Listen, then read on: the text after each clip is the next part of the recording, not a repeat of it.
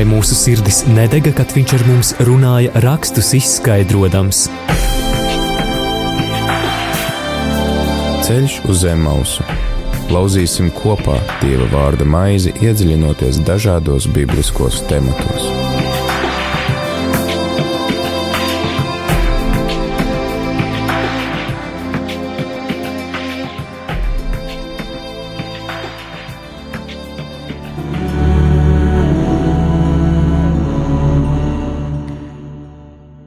Labvakar, radio Marija Latvija klausītāji!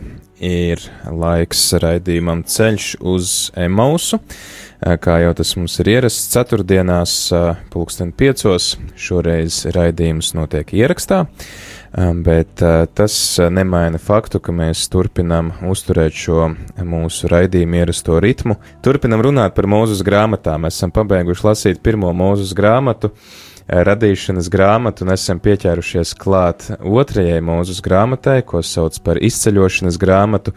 Iepriekš tad mēs esam iepazinuši gan to situāciju, kāda e, izrēliešiem ir e, mainījusies e, šo tajā starplaikā, kas ir starp šīm abām grāmatām, esam iepazinušies arī ar mūzus personu un ar to, kā tad viņš ienāk pasaulē, ienāk lielu grūtību laikā, bet arī jau nāk ar tādu īpašu izvēlētību, īpašu sūtību. Arī iepazinām to, kā viņš tika izvilkts no ūdens un audzināts šajā eģiptiešu galmā. Šodien turpināsim lasīt otrās mūzes grāmatas otrās, otro nodaļu no 11. līdz 25. pantam. Un arī kā ierasts, tad ar mums ēterā ir kāds viesis, un šodien šis viesis ir tepat no kaimiņiem. Pagājušo reizi mums bija kaimiņš no rietumu puses studijai, tas bija mācītājs Edgars Mažis, taču šodien kaimiņš no austrumu puses, no dzelzceļa otra, otras puses, un tas ir Rīgas Lutera draudzes mācītājs Linards Rozentāls. Sveicināti! Jā, mēs šobrīd ar klausītājiem lasām otro mūzus grāmatu, iepazīstam mūzus personu. Tev kā kristietim, kā mācītājam, kas ir varbūt tā pirmā doma, kas nāk prātā izdzirdot um, izceļošanu, izdzirdot mūzus vārdu? Izceļošana, man tuvāk gan vārds ir iziešana, uh, iziešanas stāsts vai izbēgšanas stāsts. Uh, un tā pirmā doma, kad es uh, šo vārdu dzirdu, tad es domāju par to, par to lielo uzdevumu dzīvē, kas ir no kaut kādām saitēm, no kaut kādām samazgojumiem pretī brīvībai, pretī atpestīšanai, pretī dziedināšanai, pretī kādai labākai, jēgpilnākai dzīvei, un priekš manis šis viss iziešanas notikums ir kā tāds, kā tāds grandios musturs, ko var uzlikt virsū katra cilvēka dzīvei, katram laikmetam, katrai katrai arī varbūt um, lielākam kolektīvam, kaut kādai kopienai, varbūt visai cilvēcei. Un tāpēc man ļoti, ļoti patīk un interesē šie grandiozie lielie vecās derības stāsti, kurus pēc tam, kad top jaunā derība, bieži vien tās veidotāji, tās rakstītāji, tās autori izmanto vai labāk izteikt to, eh, kas notiek jau ar Jēzus dzīvi un viņa ceļu. Tad, tad tas varētu būt kā tāds, kā tāds princips vai kā tāds šablons, pēc kura mēs varam raudzīties uz savu dzīvi vai uz to savu realitāti, kurā mēs esam. Jā, un arī, protams, jāatcerās, ka ir autori, kas uzskata, ka tad, kad um, ebreji kristieši veido šos pirmos tekstus, un, un mēģina, mēģina izprast un interpretēt Jēzus dzīvi, tad eh, bieži vien Jēzus tiek saskatīts kā šis otrais mūzus, kā tas mm. cilvēks, kurš ved ne jau ne tikai kaut kādu vienu tautu pretī brīvībai, bet jau visu cilvēci. Jēzus kā otrais mūzus, un tāpēc arī tas ir ļoti interesanti tad skatīties, kā tad, kur tad ir tā, tie saskarsmes punkti, kur tad mēs mūsu dzīvē redzam uh, to, kur mums iezvanās tas zvaniņš, un mēs sakam, jā, redz, šajā cilvēkā mēs kaut ko redzam ļoti līdzīgi, kā tas ir Jēzu. Mm -hmm. Jā, tad klausītāji aicinu tevi ķerties klāt pie izceļošanas grāmatas, pie otrās mūzes grāmatas, atšķir otro nodaļu un lasīsim no 11. līdz 25. pantam, kas tad notiek ar mūzu, kad viņš jau ir pieaudzis, uzaudzis šajā Eģiptes galmā, un kā tad viņš arī gatavojas tai savai lielajai misijai, kurai viņš ir izvēlēts.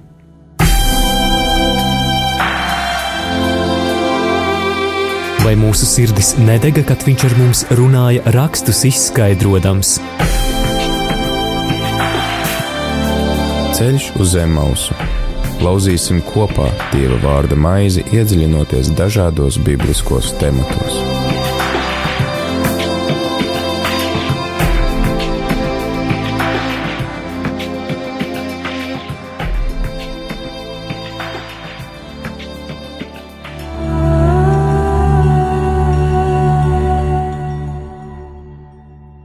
Tajās dienās notika tā. Mūzus izaudzis izgāja pie savas tautas, redzēja viņu klaušu, viņu klaušu spaidus un redzēja arī vienu eģiptieti sitam ebreju no viņa tautas. Viņš paskatījās pa labi, pa kreisi, redzēja, ka neviena nav, nosita eģiptieti un paslēpa smiltīs. Un viņš izgāja laukā arī nākamajā dienā un redzi divi ebreji cīkstējās, un viņš teica pāri darītājiem, kādēļ tu sit savu tuvāko? Bet es teicu, kas tad tevi par kungu nolicis, ka tu tā mūs tiesāsi? Vai tu to saki, lai nokautu mani, kā nokāvi eģiptieti? Tad Mūzus nobijās un nodomāja, droši vien tā lieta kļūsi zināma. Kad par to lietu uzzināja faraons, viņš lūkoja nokaut Mūzu. Tad Mūzus bēga no faraona, apmetās Midjāna zemē un mīta pie akas. Midjāna priesterim bija septiņas meitas, un viņas nāca, smēla ūdeni un pildīja silas, lai dzirdinātu sava tēva avis. Tad atnāca gani un aizzina viņas, un Mūzus cēlās, aizstāvēja tās un padzirdīja viņu avis. Viņas devās pie sava tēva, Reuēla, un, te, un viņš teica: Kādēļ šodien jūs tā steidzāties? Viņas sacīja, kāds eģiptietis izglāba mūs no ganiem un patiesmēla mums ūdeni un padzirdīja mūsu avis un viņš teica savām meitām, kur viņš ir, kā tad jūs to vīru pametāt, sauciet viņu, lai viņš ēd maizi. Tad Mūzus nolēma apmesties pie tā vīra, un tas deva Mūzum savu meitu Ciporu. Viņa dzemdēja dēlu, un viņš to nosauca vārdā Geršoms, jo viņš sacīja: Svešinieks, es esmu tālā zemē. Pa to laiku Eģiptes ķēniņš bija nomiris, un Izraēla, Izraēla dēli vaidēja verdzības dēļ, Viņi brēca par savu verdzību, un viņu kliekšana nāca pie dieva. Dievs dzirdēja viņu nopūtas, un Dievs atcerējās savu derību ar Abrahamu, ar Īzāku un ar Jēkabu. Dievs redzēja Izraēlu dēlus un pievērsās viņiem.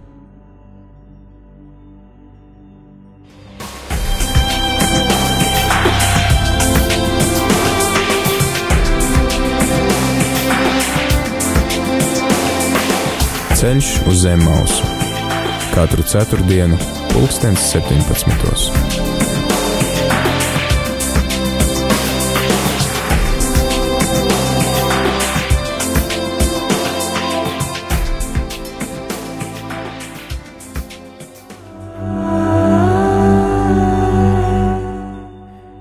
Radio Marija Latvija klausītāji! Turpinam raidījumu ceļš uz Zemausu, un nu pat dzirdējām otrās uh, mūzes grāmatas, otrās nodaļas noslēgumu, uh, kas mums stāsta par to, ka Mūzes jau pieaudzis, apzinās to savu izcelsmi, apzinās arī savas tautas situāciju, un droši vien arī kā tāds tipisks jaunietis arī apzinās tādu ļoti spēcīgu taisnīgumu izjūtu, kas viņam liek rīkoties karstasinīgi, un par ko viņš arī maksā ar bēgļa gaitām.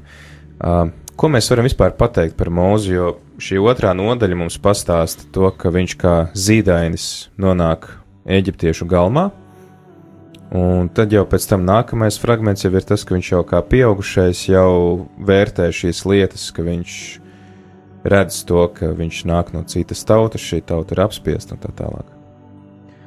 Kad mēs raugāmies uz mūsu dzīvi, tad, protams, ka mēs raugāmies uz to no tādas pabeigtības perspektīvas. Mēs tagad zinām, viņa dzīvi, kas tur notika, ar ko tā beidzās. Iespējams, viņam pašam um, kādos dzīves brīžos tas viss kopīgais ceļš nebūtu nav tik skaidrs, bet es domāju, ka jau viņa jaunība parāda tādu ļoti interesantu aspektu, ka mēs sastopam šeit cilvēku, kurš jau ļoti agrīni izjūt vai piedzīvo kaut kādu savas dzīves vilvu uzdevumu, un, protams, cenšas šo uzdevumu īstenot tādā veidā, kā viņš tajā brīdī to saprot un māk, un kā viņam tas šķiet. Un te es domāju, ļoti svarīgu lomu spēlē tas, ka Mūzus atšķirībā no uh, citiem saviem tautas, uh, tautas brāļiem, viņš uh, uzaug uh, faraona galmā, kā mēs te to arī dzirdējām. Uh, proti, viņš uh, neuzaug verdzībā, viņš, viņš neaug piesūcināts ar šo verdzību, viņam ir kaut kāda pilnīgi cita perspektīva, cits redzējums, cita pieredze, un tā vietā, lai varbūt kā dažkārt cilvēki, nu, dzīvojot kaut kādos labākos apstākļos vai privileģētākā stāvoklī vai labākā rajonā, eh, viņi kaut kā norobežojās no visiem pārējiem un patiesībā vēl attā, vairāk attālinās no, no cilvēkiem, kas um, mīt tur vakus graust rajonos. Tad mūzum mēs redzam, ka tieši viņā ir kaut kāda tāda dievišķa taisn, ne, taisnīguma izjūta, kur viņš skatās uz šo verdzību no malas, viņš spēja reflektēt par to, viņš spēja uz to raudzīties un saskatīt šo netaisnību. Viņš saskata kur šiem cilvēkiem dara pāri, kur viņi ir jāizstāv, un tas parādās gan viņa jaunībā, kā mēs te redzējām, par ko viņš, kā zināms, smagi samaksā, jo tiešām izturās ļoti nepārdomāti un ļoti karstasinīgi, bet arī vēlāk, bet arī vēlāk viņš joprojām kādu tur aizstāv. Kādu, jā, šajā kā, pašā jā, fragmentā, tā, šajā pašā fragmentā. Smelt, ja citi gan viņas dzen projām. Jā, jā, viņš, puiši, viņš nemūk vai, vai atkal kaut kā neizvairās, bet viņam ir šī te, um, tas nervs, tas, ne, tas taisnīguma nervs. Un, un te es domāju, ka, un te es domāju, ka arī tas ļauj viņam uh, kaut kā varbūt reflektēt daudz labāk par savu dzīvi un savas dzīves uzdevumu, ko viņš varbūt nu, tā netieši tikai apzinās. Bet man šķiet svarīgs arī tas brīdis, kad tad, kad, um, jā, tad, kad viņš risina, viņš mēģina risināt šo netaisnības jautājumu tādiem dzīves pirmās puses līdzekļiem, viņš mēģina to risināt ar vardarbību, uh, viņš mēģina to, mēģina to risināt brutāli. Un uh, līdzīgi kā varbūt ļoti daudzi iedomājās, ka lūk, ļaunums ir tas uh, Tad ļaunums ir tas veids, kā mēs varam sasniegt kaut kādu taisnīgumu. Ja mēs rīkosimies pietiekami cieti, tad pasaulē iestāsies labāka kārtība un cilvēki labāk viens otru mīlēs. Un, un šeit mēs redzam tieši to, ko, mēs, ko, ko Jēzus rāda kā tādu neiespējamu ceļu. Taisnot otrādi, tas stāsts nav par to, ka ļaunais var uzvarēt ļauno, bet ļauna, ļauno var uzvarēt tikai mīlestība un, un labais. Bet te ir tāds viens moments, kas man šķiet ļoti svarīgs, ka, ka tad, kad uh, Mūzes paskatījies pa labu un paskatījies pa kreisi, un redzēdams, ka neviena nav, viņš nogalina šo eģiptieti, viņš tā kā izcīna to taisnīgumu, viņš paglāba šo savu tautas brāli. Tad kaut kā tā sanāk, ka kā reiz nākamajā dienā Uh, tur atkal viņš uh, iet un redz, ka divi kaujās, cīnās savstarpēji. Un viņš atkal mēģina iejaukties un nodibināt kaut kādu kārtību visā tajā, kas notiek, bet uh, viņam tas, tā slepkavība nāk uz gaismā. Un tad es domāju, nu, kā viņi varēja nākt gaismā, ja jau, ja jau tur neviena nebija. Viņš taču bija labi paskatījies pa albumu pa kreisi. Un, um, un es domāju, ka viens no izskaidrojumiem varētu būt tāds, ka lūk, tas pats cilvēks, ko viņš vakar aizstāvēja un ko viņš izglāba, bija tas, kas šobrīd, uh, nākamā dienā, viņam draudēja un viņam pārmeta, un patiesībā caur kuru šis viņa nodarījums nāca gaismā. Un tas ir tas brīdis, kur es domāju, viņš mūzis iemācās to realitāti par to, nu, kāds cilvēks ir. Uh, Eh, ka cilvēks ir eh, teikt, nepateicīgs bieži vien, mm. un ka cilvēks ir viena būtne, nu, eh, nu, kur ir tāda, kāda ir. Tie nav kaut kādi eņģeļi, tie nav kaut kādi cilvēki, kas, mm, kas vienmēr ir laipni un mīlīgi. Un man liekas, ka tieši šī pieredze ir tā, kas viņam ļoti palīdzēja 40 gadus vēlāk, kad viņam bija jāvada tauta cauri tūkstnesim, ļoti nepateicīga bieži vien tauta kurnoša tauta, cilvēki, kuri nevienmēr bija ar viņu vienasprāts, un viņam tas kaut kādā ziņā izdevās. Un tas varbūt ir daudz lielāks brīnums, uh, kā viņš šo tautu vadīja cauri tūkstošiem, nekā varbūt daudz citas epizodes šajā iziešanas Jo viņš ceļā. pat arī aizstāv savu tautu neskaitāmas reizes. Jā. Pašu pret pašu dievu, kad dievs saka, viss man pietiek. Tieši tā. Mums saka, pagaidi, jā, nu, tagad parēķini pats tur, kur es viņus izvedu līdz šejieniem, tad tagad eģiptieši teiks, ka pasies pat dievs viņus nevarēja aizvest, jā, līdz turienei. Ka viņš pat, uh, pat ir gatavs ar dievu, var teikt, cīkstēties, lai aizstāvētu tautu, lai iestātos par viņu. Jā, un tad es domāju, ka droši vien var notikt dažādi, bet pie mūzes notika tā, ka iepazīstot šo cilvēka realitāti, nu kāds cilvēks ir, viņa, nezinu, sauksim to par grēcīgumu, sauksim to par viņa nu, tādu neprognozējumību, nodevību, viņš kļūst nevis tā kā ļaunāks pret šiem cilvēkiem un atmet visam ar roku, nu tad, tad es nekad vairs nekur jūs nevedīšu, tad es iešu pats dzīvošu kaut kur pats priekš sevis, bet tas, tas kaut kā vairo viņa cieņu, ja ne cieņu, tad vismaz mīlestību un izpratni pret šiem cilvēkiem, jo viņš saprot šos cilvēkus. Un te man liekas ļoti sabalsojās ar tādu Jēzus attieksmi, kurš taču ļoti labi zināja cilvēku domas un sirdis, bet eh, kaut kā neļāvās tam mainīt viņa mīlošo attieksmi pret šiem cilvēkiem. Pie mūzu mēs redzam ļoti līdzīgu šo ceļu. Man nāk prātā teiciens, ko man kāds draugs tā ironiski saka, ka neviens labais darbs nepaliek nesodīts. Un kaut kā zināmā mērā Mūzus to ļoti nu, asi piedzīvo gan šajā situācijā, ka tā tad uh, iespējams, jā, ka tā nodevība nāk gaismā caur šo pašu cilvēku, kurš to stāsta citiem, uh, vai arī tad uh, vēlāk mēs lasām uh, tos, tos situācijas, kad tauta, kas ir izvesta ar, ar varenu roku, ir pār, pārgājusi pāri jūrai, un, un tajā pašā jūrā ir noslīkuši visi viņu vajātāji, jo nākamā nodaļa jau ir klausies, ejam atpakaļ uz Ēģipti, jo te nav ko ēst, ir tūkstnesis, ja.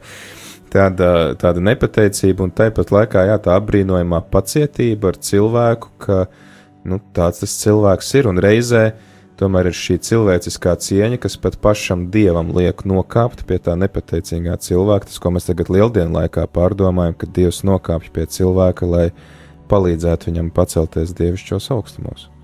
Jā, un es iedomājos arī šī te, šis te arī musturs mūsu dzīvē, viņš jau parādās arī vēlāk, kur, piemēram, viņš ļoti bieži piedzīvo kaut kādas nākamās vilšanās, piemēram, um, kad tauta pielūdz zelta teļu un viņš mm. ar tām baušu. Tās baušu plāksnes tiek sasists, vai ne? Nē, nē, viņš, viņš tomēr atkal kāpj otrais, viņš, viņš ir pacietīgs, viņš, viņš dod otro iespēju, viņam ir kaut kāda tāda, tāda ļoti cilvēciska lielo burta ticība tiem cilvēkiem, un tas man šķiet ir kaut kas, kas viņu ļoti raksturo.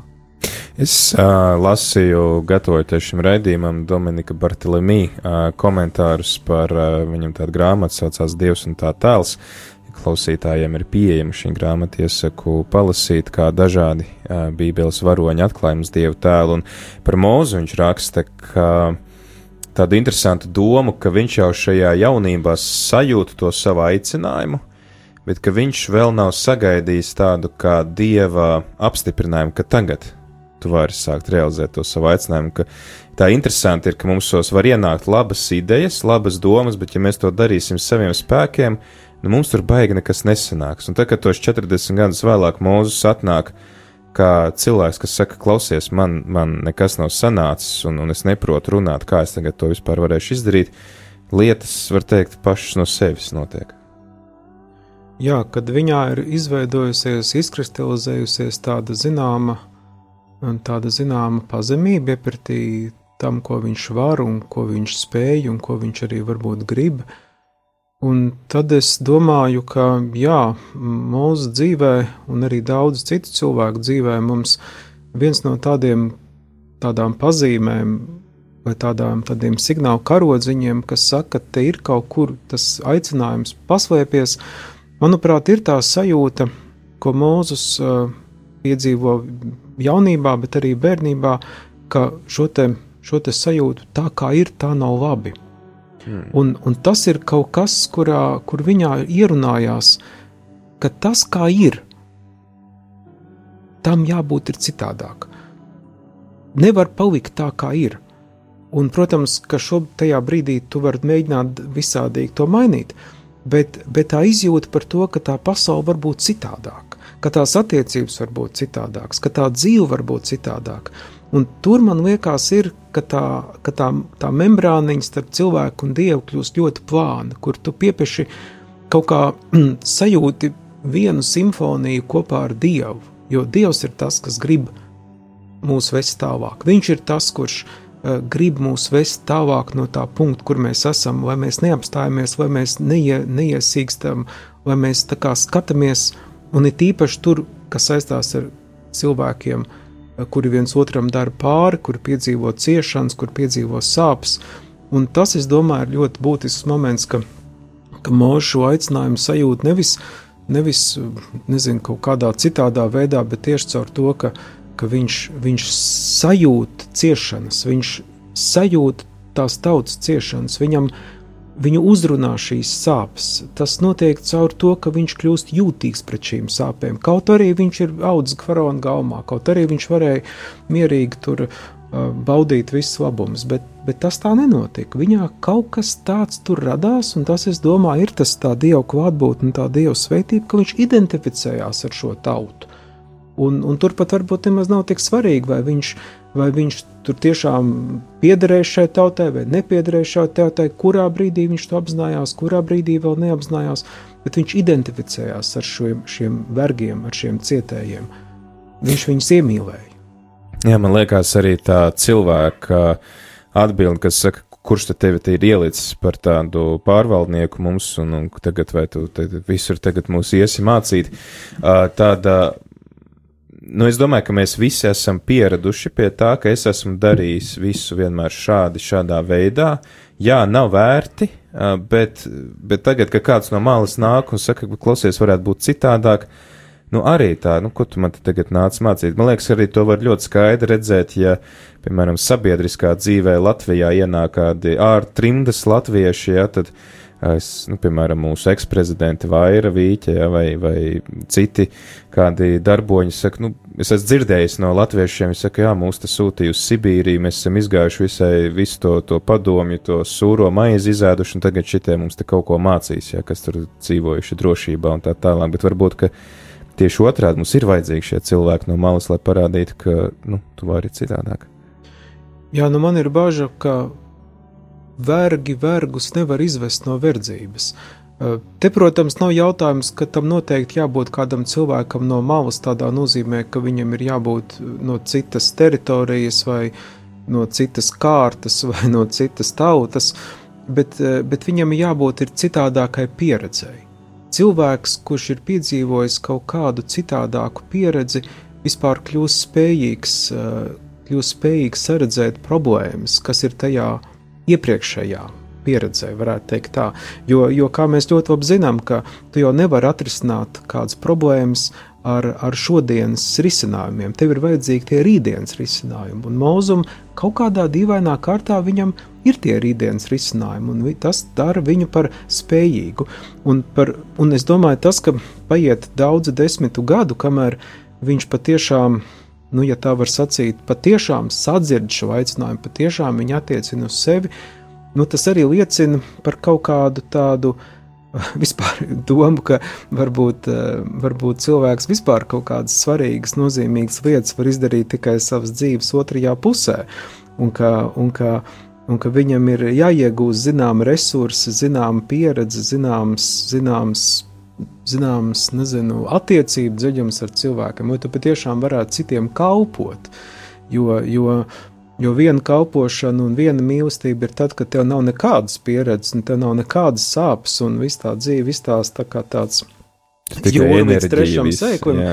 Bet pavisam kaut kas cits ir, ja tu esi izkodis to tūkstnesi arī savā dzīvē cauri, ka tu esi piedzīvojis dažādas sāpes, un arī ir kaut kādas sāpes, kas tevī nepāriet. Uh, Un tas ir tas, ka Mozus pazina tūkstnes, un to viņš pazina ne tikai tādā burtiskā nozīmē, kas arī, protams, bija svarīgi, jo viņš zināja, kur iet, vai ne? Viņš zināja, uz kur pusi viņš bija tur ganījis sievstēvu, jetru savis uh, gadu desmitiem, tūkstnes zināja, kā, kā, kā uz dēlns.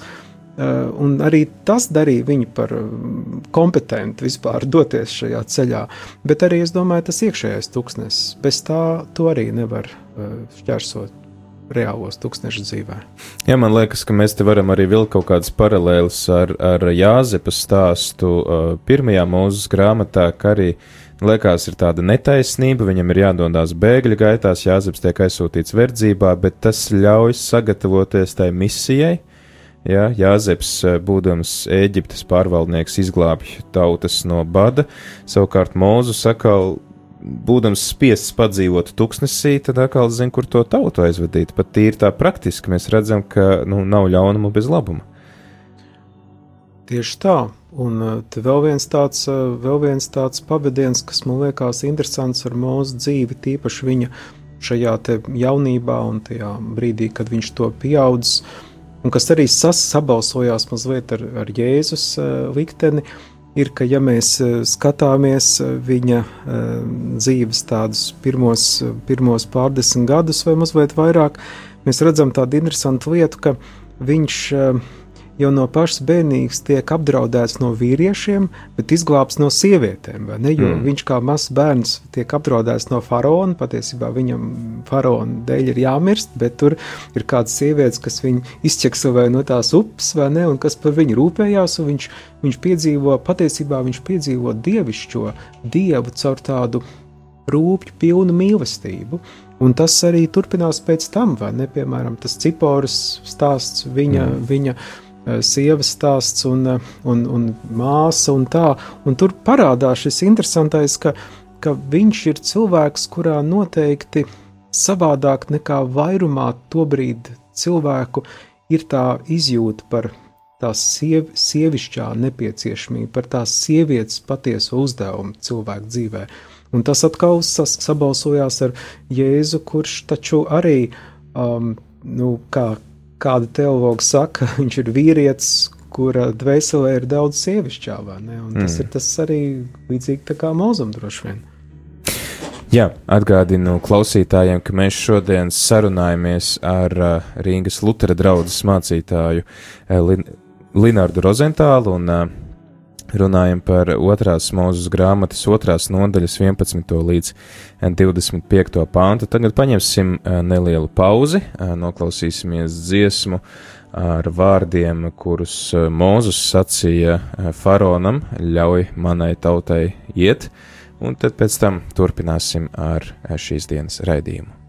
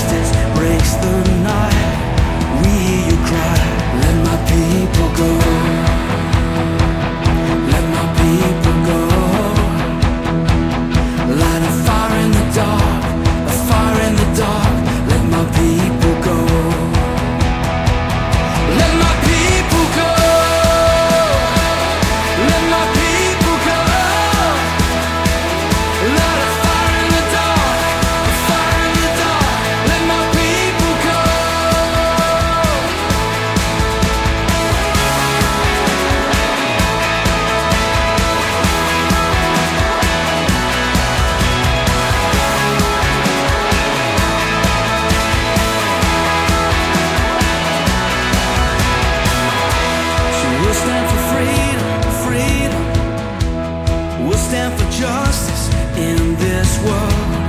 All of the stolen, stolen, never forgotten in your heart. These are your sons and daughters, God.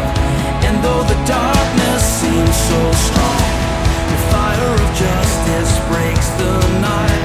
We're ready to fight.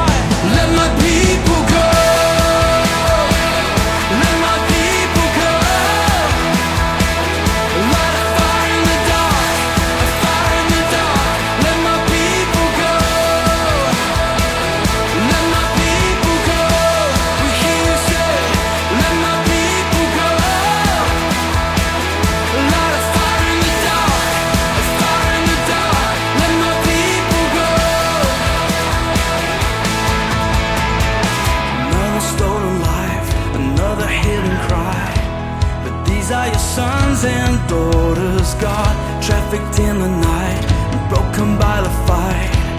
Rescue your sons and daughters.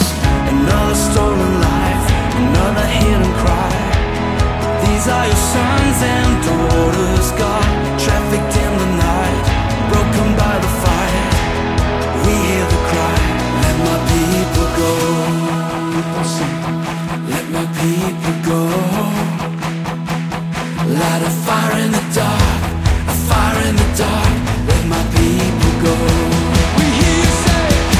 vai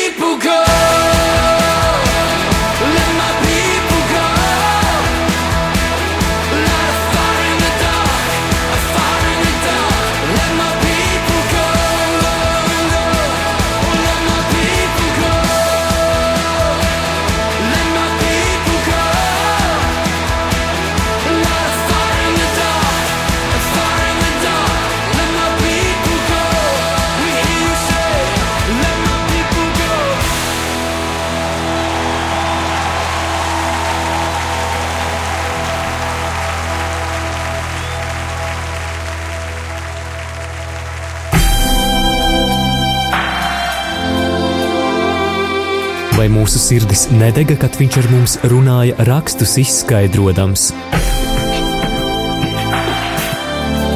Ceļš uz zem mausu. Lauzīsim kopā Dieva vārda maizi, iedziļinoties dažādos bibliskos tematos.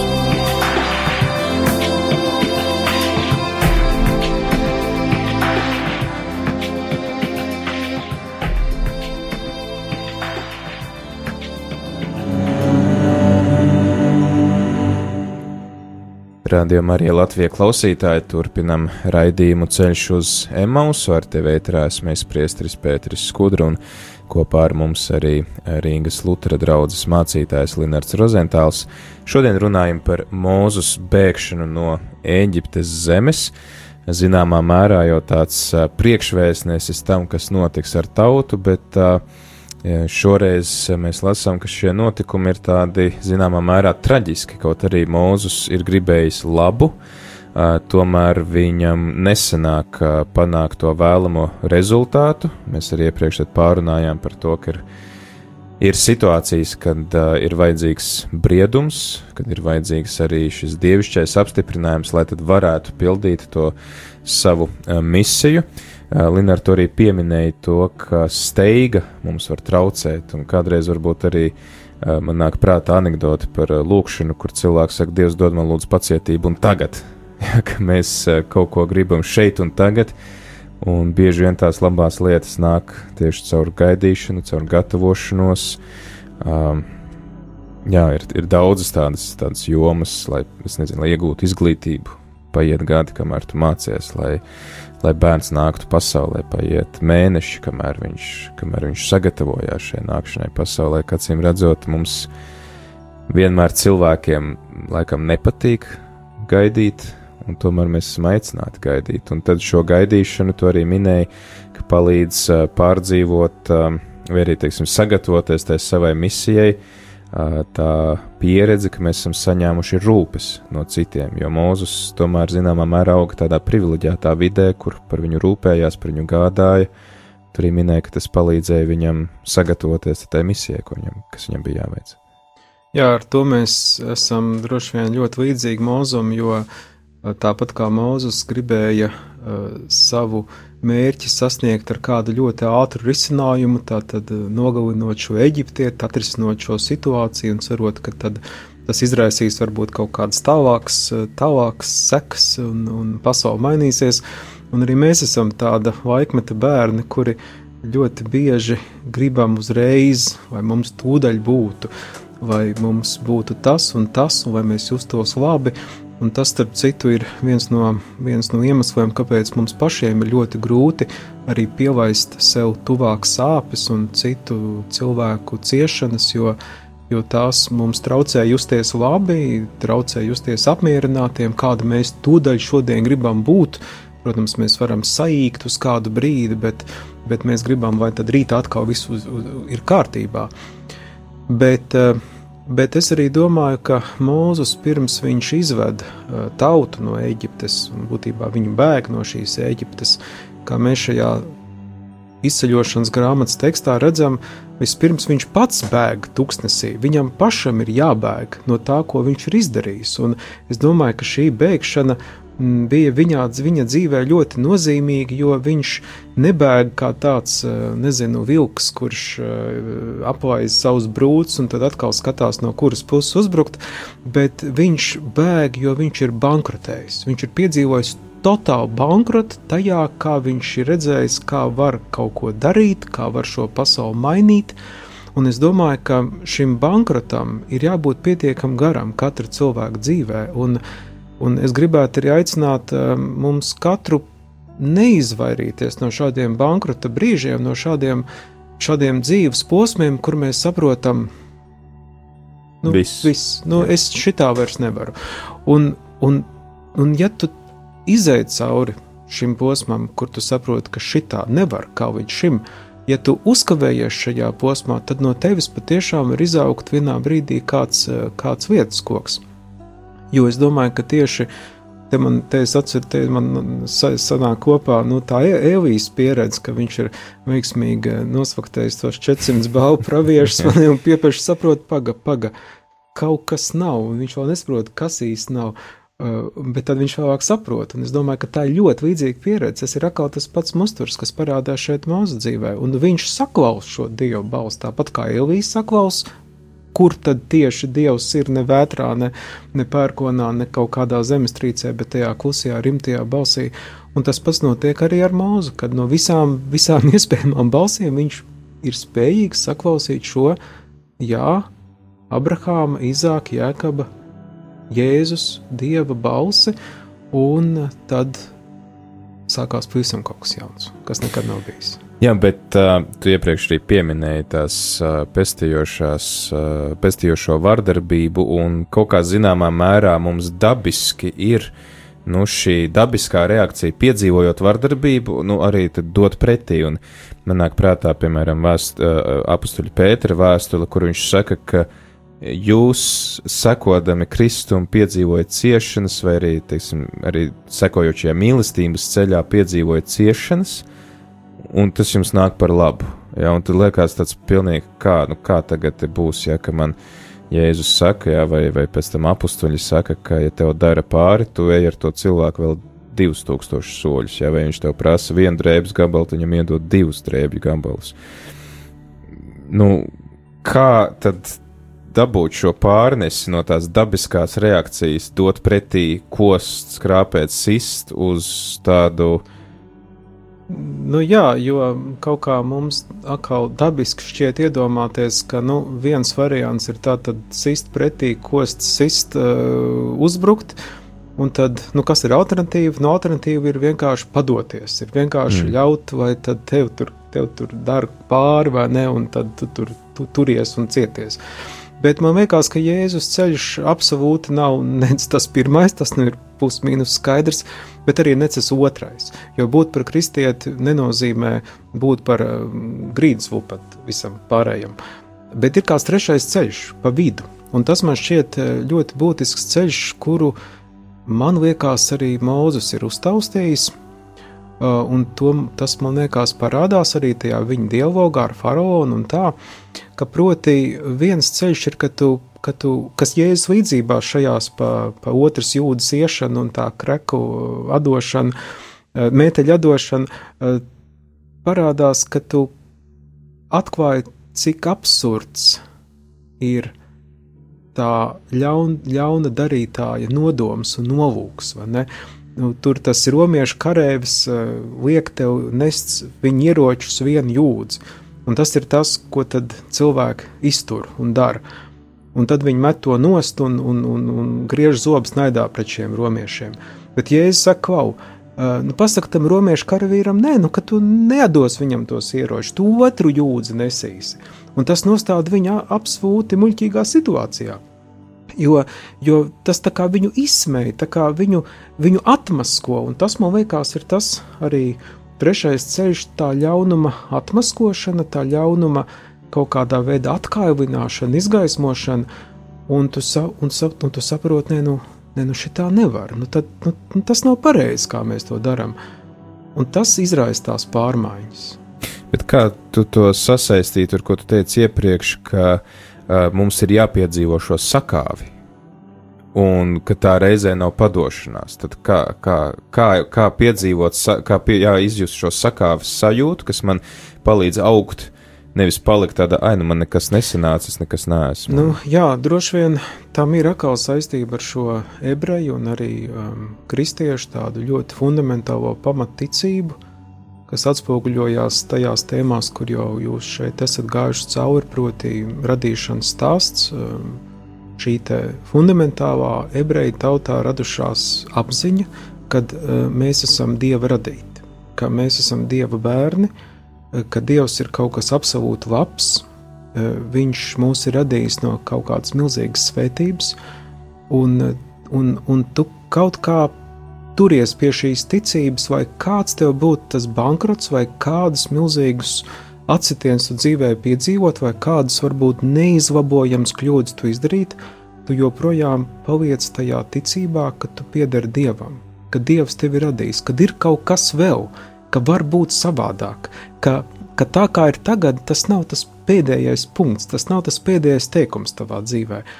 Un, un šī ticība, um, ka var būt savādāk, man liekas, arī ir tā, pie kuras tad Mozus tajā tūkstnesī turās, jo viņam ir tā sajūta, ka vi, tā dzīve nebeigsies ar to sievas tēvu, un tajā tūkstnesī kaut kas tur ir tāds, jo viņš, jo viņš tomēr tur aiziet to iekškrūmu, viņš, viņš ieraug, viņā, viņā ir kaut kāda tāda, es pat nezinu, kāds impulss vai kaut kas tāds, bet nu, tā ir ticība, tā ir ticība, ka, ka, kad ar to, kas ir, viss nav beidzies, un tā ir vildiena ticība.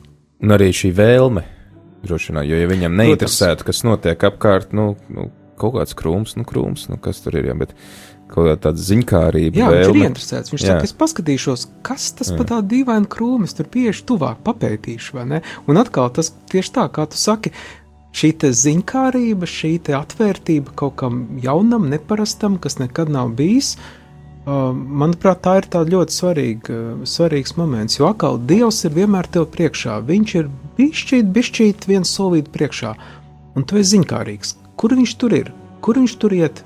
Es tur nekad mm. neesmu bijis. Kas tur būs, es nezinu. Bet es tomēr, nu, tā kā iešu, skatīšos. Tā varbūt ir tā, tā brīvība, arī uz kuru mūsu Jēzus aicina, kur viņš arī salīdzina ar šo mazo bērnu brīvību.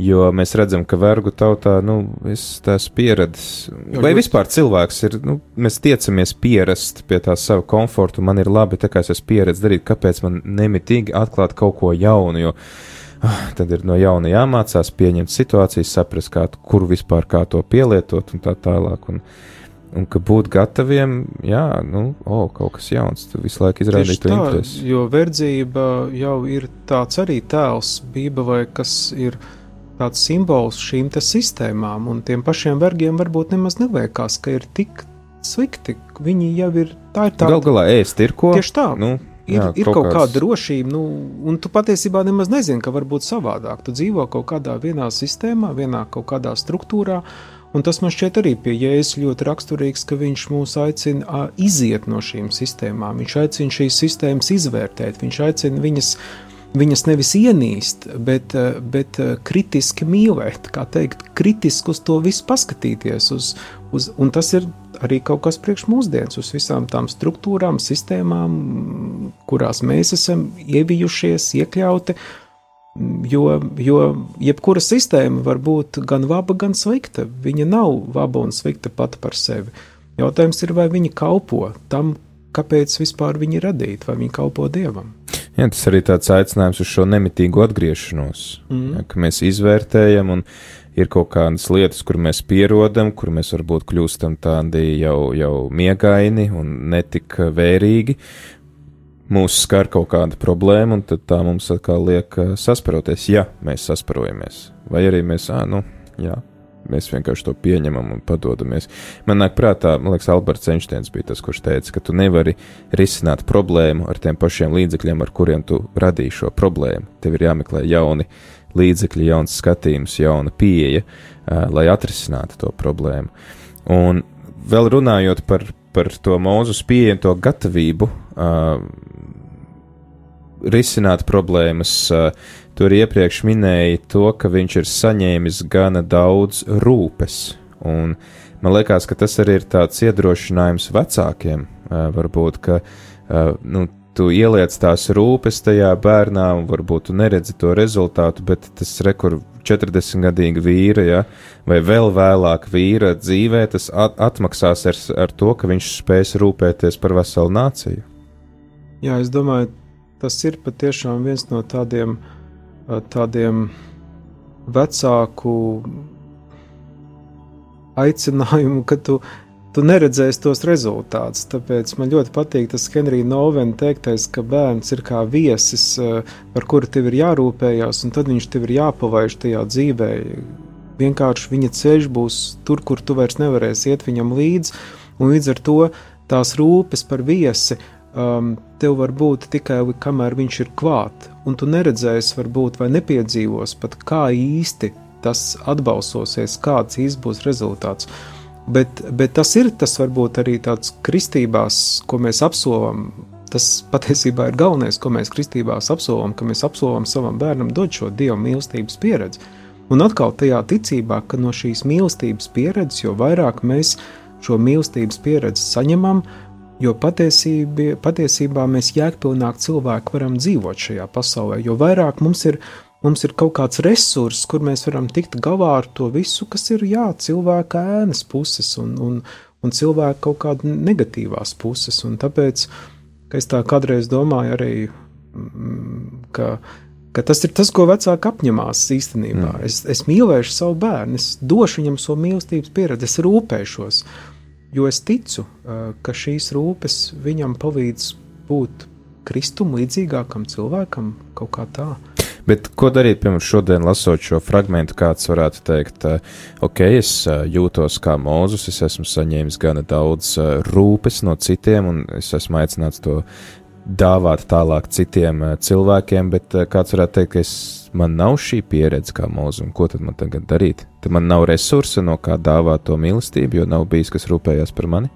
Jā, es domāju, ka mūsu vidū ir ļoti daudz cilvēku, un es domāju, ka kaut kādā ziņā droši vien pat varbūt vairākums, kuri uh, mēs neesam saņēmuši um, pietiekami daudz rūpes un pietiekami daudz mīlestības pieredzes. Un, un es domāju, tur ir um, individuāli, gan arī mēs daudz esam dzīvojuši apstākļos un, uh, un režīmā un, un, un sistēmā, kur varbūt um, tās rūpes un mīlestība nav kaut kas bijis pašsaprotams. Bet tas, ko es gribu teikt, mēs neviens nedrīkstam palikt tā trūkuma vergi, uh, kā trūkumu mēs sevī nesam.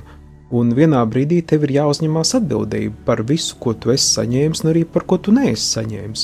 Un, ja vienam cilvēkam 40 gados nāk atklāsme, ka viņš, viņš ir saņēmis ļoti maz dzīvē mīlestības, Eh, un tāpēc viņš nav spējīgs veidot attiecības, nav spējīgs šo mīlestību dot, eh, tad eh, viņam ir jāuzņemās atbildība un jāsaka, tas, ko man nedēva vecāki, vai tas, ko man nedēva tas, vai šis, vai tas sabiedrība, vai skola, vai kas, tas man tagad ir jādod man pašam.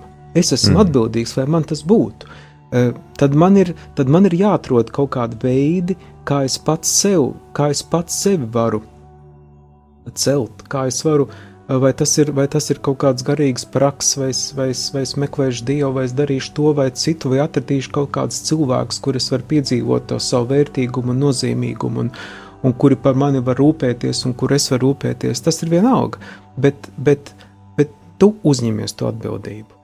Un, Un kaut kādā ziņā, es domāju, nesen iznāca arī tā Džona Brečova grāmata, interesanti par tādu iekšējā bērna dziedināšanu, kur viņš tieši par to runā, ka ka tev ir, ka tev ir jāatrod tas, tas bērniņš, kurš tur ir mīlestības izsvāps kaut kur tevī, kurš nav tajos desmit gados dabūjis to mīlestību, un nevis tagad jāvaimanā, ka tur tavu vecāki ir vainīgi, bet tev tas bērniņš tev pašam ir jāņem pie rokas un jāņem līdzi, un viņam jādod šī mīlestība. Vai viņš nav vairs izsalcis, vai viņš nav vairs badīgs pēc šīs mīlestības? Galu galā Kristus saka, visi, kam slāpst, nāciet pie manis, un es jūs padzirdināšu, Tieši un pabarošu, un piepildīšu ar visu to, kas jums ir vajadzīgs.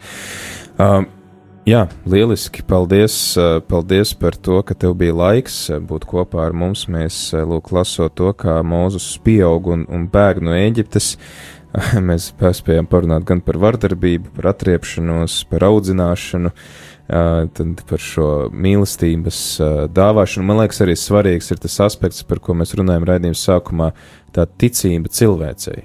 Ka zināmā mērā Mūzus mums parāda to Kristu, ka kaut arī tā ir cilvēks, kas tevi, nu, var teikt, iesper tev atpakaļ, tu esi mēģinājis palīdzēt, tev iesper atpakaļ, jā, tevi nodod, un tomēr tu joprojām turpini rūpēties par šiem cilvēkiem, jo katrā mūsu cilvēkā ir ielikts kaut kas tāds, kas, kas ir šo rūpju vērts, un pats Dievs ir gatavs atteikties no visa, lai šo nepateicīgo, nožēlojamo, ieru aprobežoto radību, ja, kas drīzāk meklē kaut kādu savu komfortu un lietas man mierā, tomēr meklē tos veidus, kā vest uz, uz priekšu. Un man liekas, ka tas dod daudz, daudz cerības, tas dod daudz uh, mierinājumu, un es arī ceru, ka klausītāji, ka tev uh, noderēs šis raidījums, ko mēs pārunājām, un jā, tad arī tev, Linarta, lai, lai svētība un, un spēks kalpošanā tālāk. Un paldies cerams, tev. tevi atkal dzirdēt kādreiz šeit ētrā. Paldies, paldies!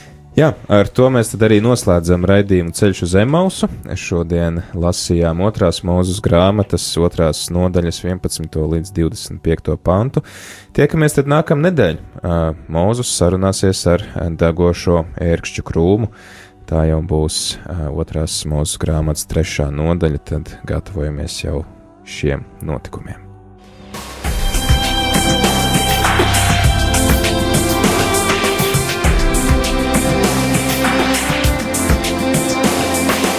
Ceļš uz zemes mausu katru ceturtdienu, pulkstens 17.